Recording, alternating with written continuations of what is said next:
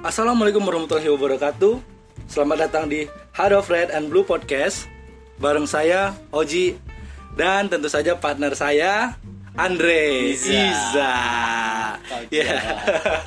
Ya, ntar kalian bakal sering dengar kata Iza ya. Iza. Andre apa Andre artinya Andre? Iza itu artinya eh, enggak atau tidak. Jadi ketika kalian dengar kata Iza itu artinya Iza eh kata ya. Artinya Iza artinya enggak. Jadi kita disclaimer dulu supaya Iya. kalian coy-coy ini nanti ngerti apa yang kita bicarakan. Ya itu secara real artinya enggak ya dari bahasa kita berdua lah ya karena udah lumayan lama kita temenan tapi sebenarnya itu untuk nunjukin semacam excitement semacam ada sesuatu yang wah kayak gitu so ya di episode pertama podcast Heart of Red and Blue kita bakal bahas mengenai setelah Simon pergi Yoi, tahu Yoi, Simon yang mana Andre Simon Sally. Iya. Isa. Iya beda ya beda. Iya. Ya oke. Eh, Simon McManamy ya pelatih tim nasional Indonesia yang paling tersakiti banyak banget tuh pahalanya berapa bulan ini deh. Dihujat di mana-mana ya kan. Ini, ini permasalahan orang Indonesia. Indonesia tuh terkadang hanya melihat dari luar, Hmm. coy. Nah, gitu loh. Tidak melihat dari dalam faktor apa yang terjadi di Indonesia itu apa. Nah, itu yang kita sebenarnya tidak tahu. Kita akan bahas ini permasalahan Simon ini dulu nih, karena ini lagi hits-hitsnya dia dipecat dan tidak mau ngelatih Indonesia lagi pada saat lawan Malaysia, coy. Meskipun dia hadir kan, dia Yoi, hadir yoi. ke lapangan, dia juga nonton. Mungkin waktu dia nonton dia mikir tuh, Iya, mampus lah kalian kalah kalian ya kayak gitu ya. Iza. Nah, Iza. Nanti kan permasalahannya bukan di Simon ini sebenarnya. Di mana permasalahannya? Nah, nanti nah, ini kita akan uh, bicarakan ya. lebih dalam lagi ya, kupas lebih dalam Ini, ini terkait ya Simon, Simon dan bagaimana nanti timnas setelah nggak ada Simon. Jadi teman-teman sebenarnya Simon bukan figur yang jelek. Dia pernah juara Liga 1 ba- bareng Bayangkara. Waktu itu juga eh, kejutan di Indonesia Bayangkara Walaupun- FC ya itu tim yang nggak punya basis pendukung yang besar tapi bisa jadi juara waktu itu ya meskipun ada kontroversial juga ya, waktu itu. walaupun seharusnya kalau saya sih lebih ke Bali karena mereka disebut di champion sih. Iya. Lah. Agree agree lah. Ini Oji karena ini pertama, coy. Dia rada, rada grogi, coy. Iyalah. Saya santai. pertama lah coy. Pertama udah tengah malam juga kan. Nah eh, jadi balik lagi Simon bukan figur yang buruk sebenarnya. Dia bagus di musim pertama. Musim kedua pun setelah tim dirombak habis Bayangkara kehilangan banyak pemain kunci mereka masih bisa bersaing. Dan di awal kepelatihannya Simon akhirnya juga eh, berhasil memberikan dua kemenangan. Sama siapa? Dari Myanmar dan Ini sama Vanuatu ya. Vanuatu, Vanuatu. kosong. Nah, jadi dipilihnya Simon sebagai pelatih memang sebenarnya nggak buruk, tapi mungkin buruk karena dibandingkan sama Sama ini pelatih sebelumnya, gitu. Luis Milla. Nah, mungkin lebih dalamnya si Andre paham nih kenapa sih sampai Simon yang ditunjuk dan Milla nggak diperpanjang kontraknya. Kalau Milan nggak diperpanjang kontrak, jelas alasannya mahal.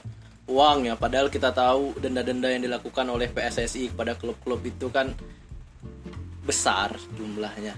Nunjuk Simon berarti mencari sesuatu pelatih yang harganya jauh di bawah Mila. Itu tentu harganya lebih murah.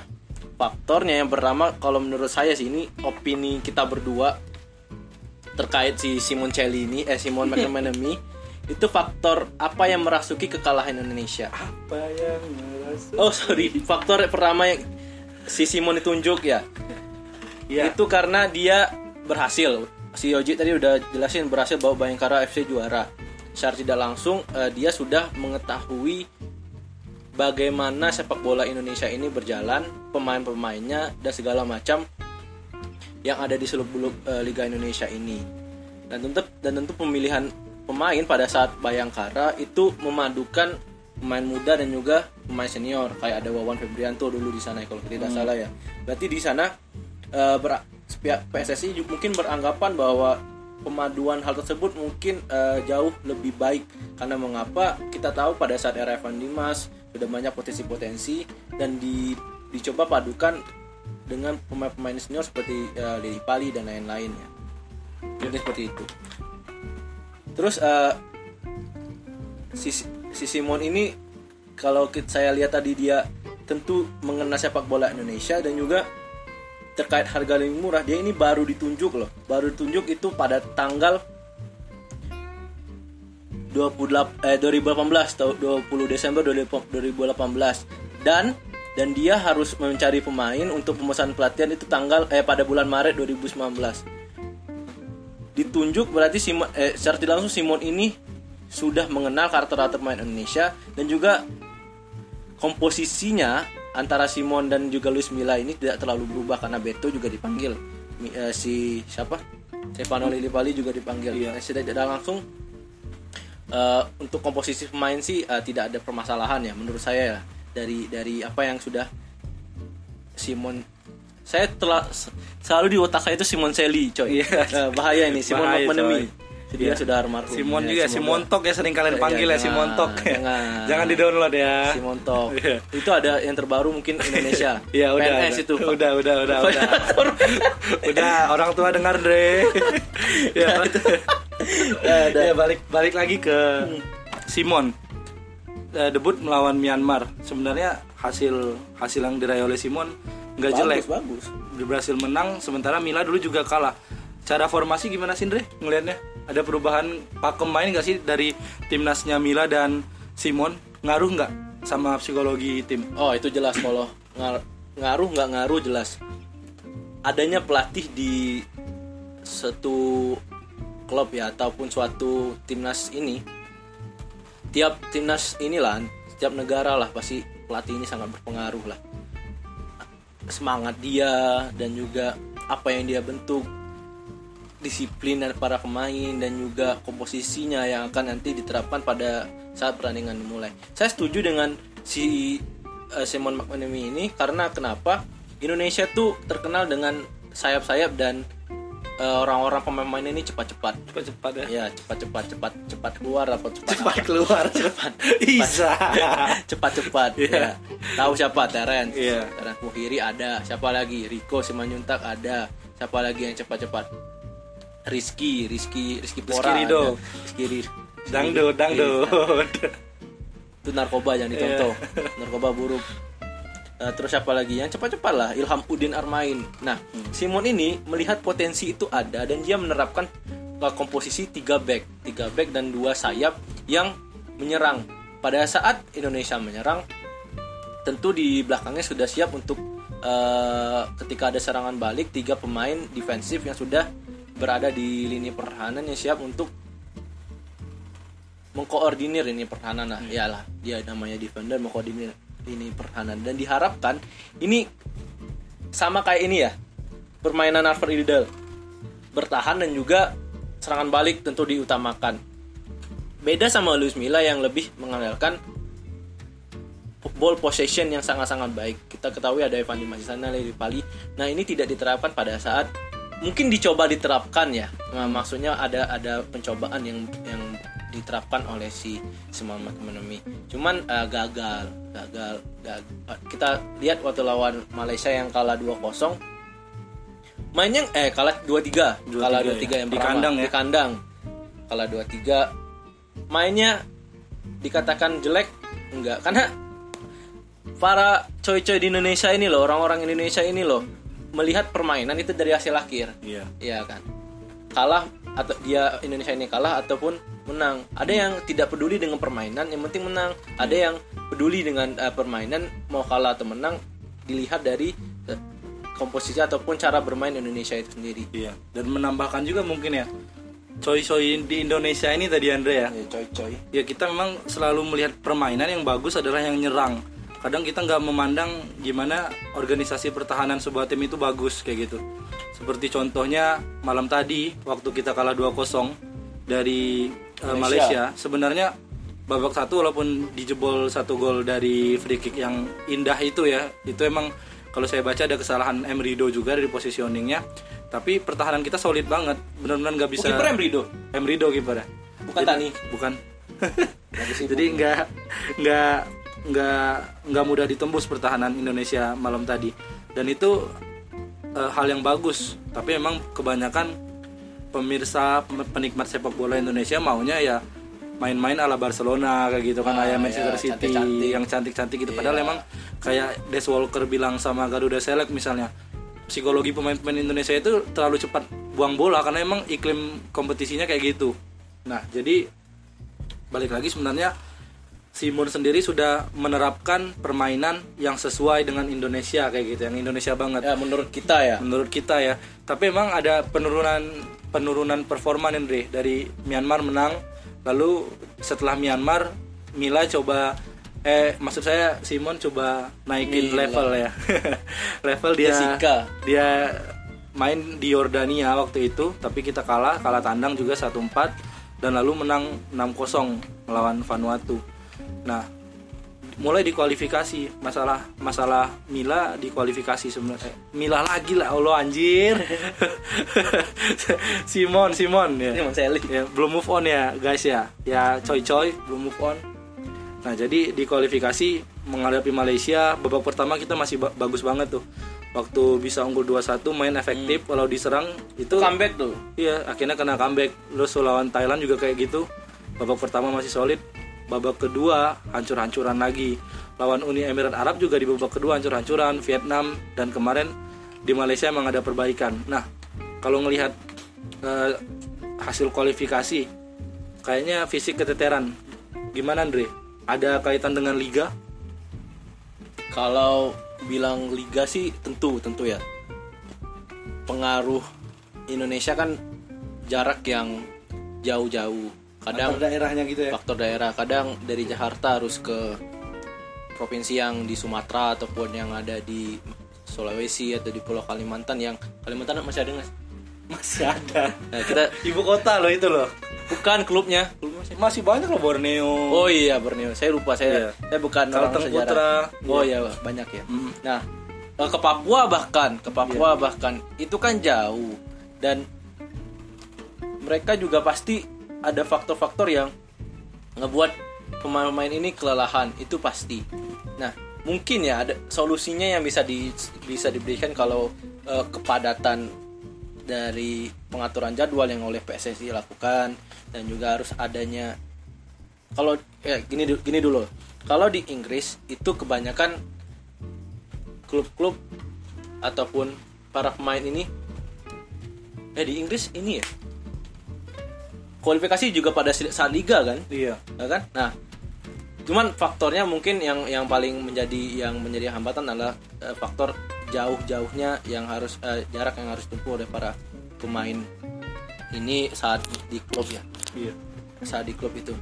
Mungkin kalau mau di mau di ini kan mungkin pada saat eh, mau adanya kualifikasi atau tanding-tanding yang sudah dekat-dekat jarak-jarak sebulan ataupun jarak-jarak tiga minggu ya pemainnya bisa dipanggil tapi pertanyaannya kan klubnya mau atau enggak itu aja. Tapi memang sebenarnya nggak ada perbedaan sih Andre antara Luis Milla dan Simon. Maksudnya Ah, liga tetap bergulir waktu itu kayak gitu. Nggak ada perbedaan. Jadi emang mungkin sistem dari Luis Milla dengan tim pelatihnya juga lebih bagus dalam menjaga kebugaran dan fisik Ya, pemain recovery kayak gitu recovery-nya bagus juga kita ingat bagaimana di media Vietnam pernah bilang bahwa timnas Indonesia melakukan latihan asal-asalan mungkin bisa jadi metode pelatihannya beda karena memang Mila datang langsung dari Eropa sedangkan Simon udah lama berada di Asia di Asia di Indonesia. Nah, kita juga bisa lihat di sini gimana eh, timnas junior dan senior kita ya sering dibahas itu tempang banget ya. Tempang, Mbak. Baso kita tempang, Dre. Tempang. Tempang Timpang ya, timpang, timpang. Nggak nggak sejajar. Jadi empang kita lihat gimana timnas U22 dengan Indra Safri udah mampu mengalahkan tim sekelas Cina, mengimbangi tim sekelas Iran kemarin ya. Lalu tim U19-nya Fahri Husaini juga kemarin lolos ke Piala Asia usai jadi juara grup ngalahin tim sekelas Korea Utara yang udah pernah ke Piala Dunia kayak gitu. Dan juga yang terbaru bersamaan dengan kekalahan timnas Indonesia di Bukit Jalil itu timnas pelajar kita mengalahkan Korea Selatan.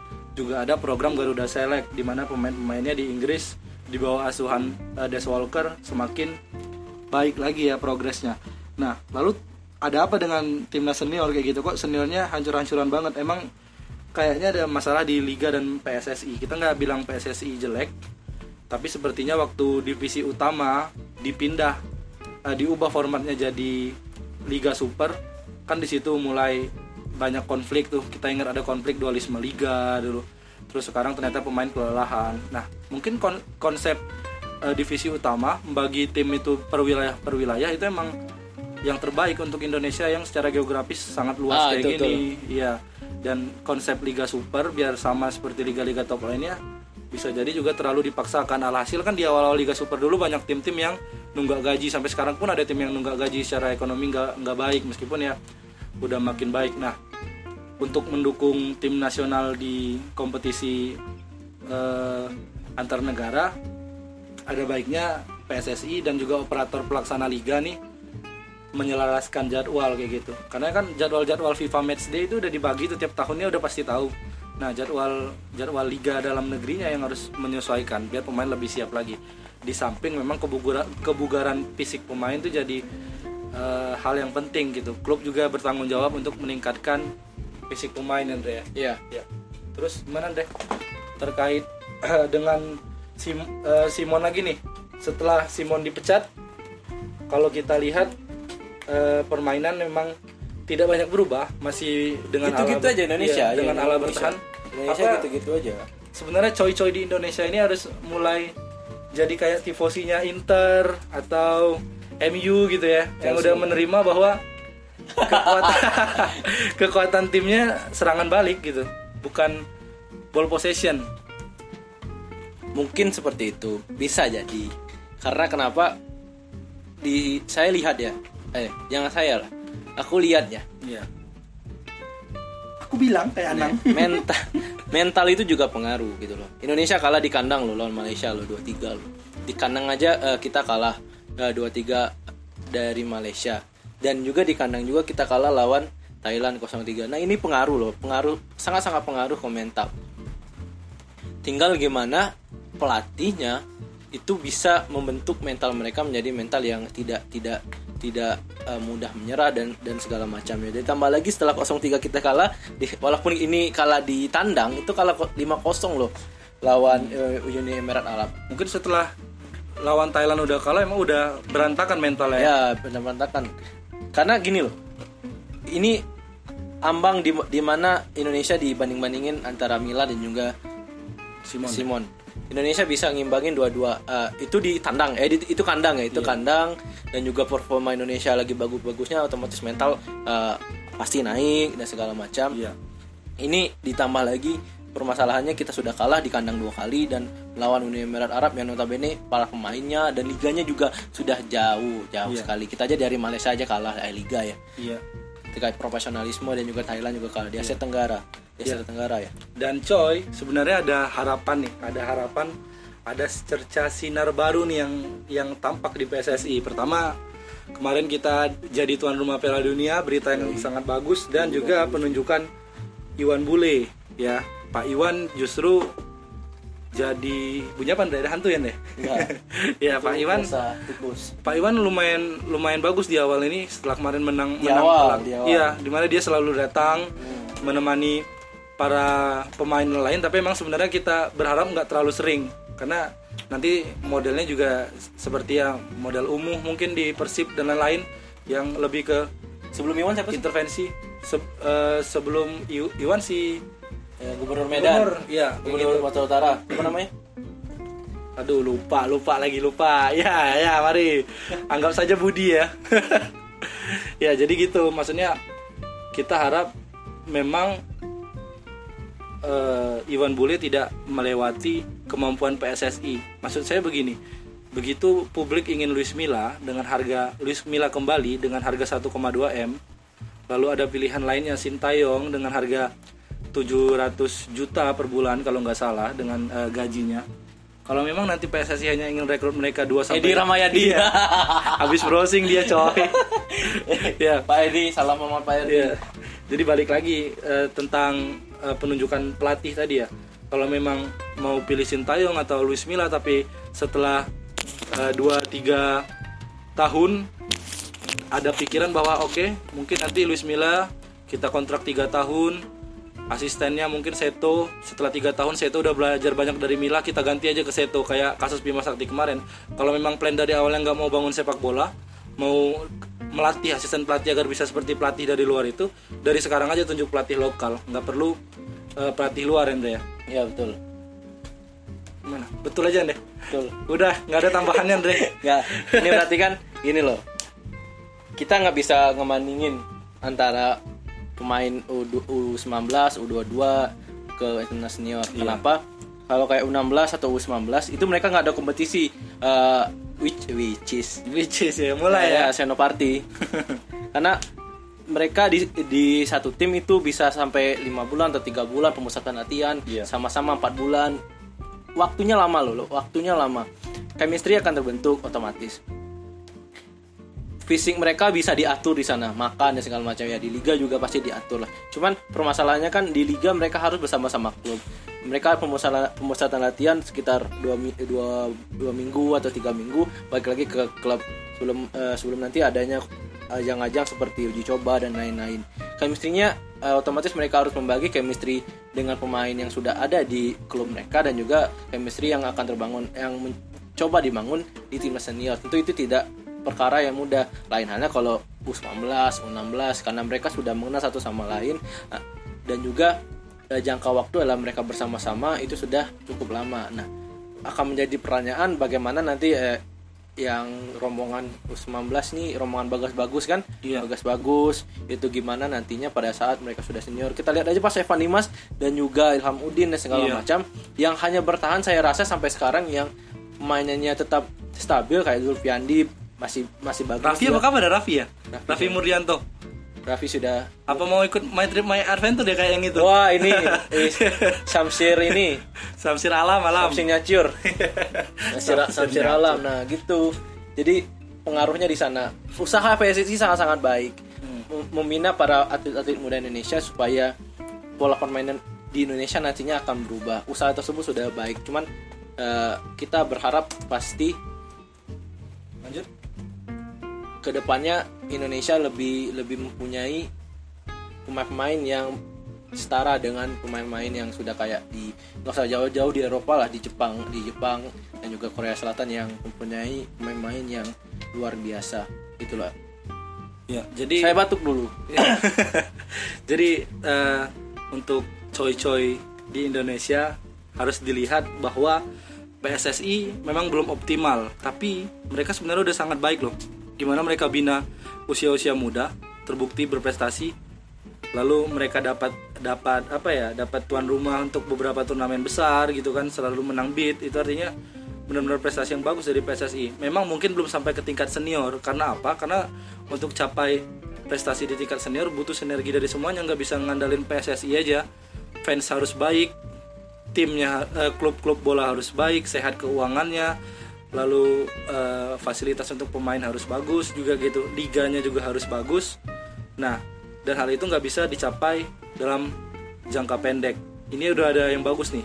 Di usia muda eh, hingga U23 kita udah benar-benar solid bagus. Nah kita harap ke depan nanti PSSI bisa jadi lebih baik. Untuk itu kami berdua sebenarnya ingin seluruh masyarakat Indonesia nih kita sama-sama dukung PSSI kita stop dulu caci maki untuk PSSI ada dua momen besar ada Piala Dunia dan momen penunjukan ketua PSSI baru. Siapa pun pelatih yang ditunjuk PSSI nanti setelah Simon kita dukung kita harapkan dia bisa fokus. Jadi maksudnya ya kita nggak nggak perlu terlalu menekan-menekan harus Luis Milla. Meskipun saya sendiri pribadi pengen Luis Milla kayak gitu. Ya juga. Iya, tapi kita harus sesuaiin dengan kemampuan PSSI dan gimana caranya kita punya pelatih yang bisa di Indonesia dalam jangka waktu panjang. Nah, jadi rekomendasi dari uh, kami berdua untuk PSSI tetap lanjutkan kerja bagusnya. Ya, kita yakin kalian bisa bawa prestasi yang sudah dicapai di junior hingga ke level senior nantinya. Dan untuk seluruh fans Indonesia, uh, jangan lupa untuk terus dengerin podcast kita. Yoi, ini baru Ya, karena ini ya. bagian dari pembelajaran. Oke, teman-teman. Sekian ya untuk episode pertama setelah Simon pergi dan kami pamit. Assalamualaikum warahmatullahi wabarakatuh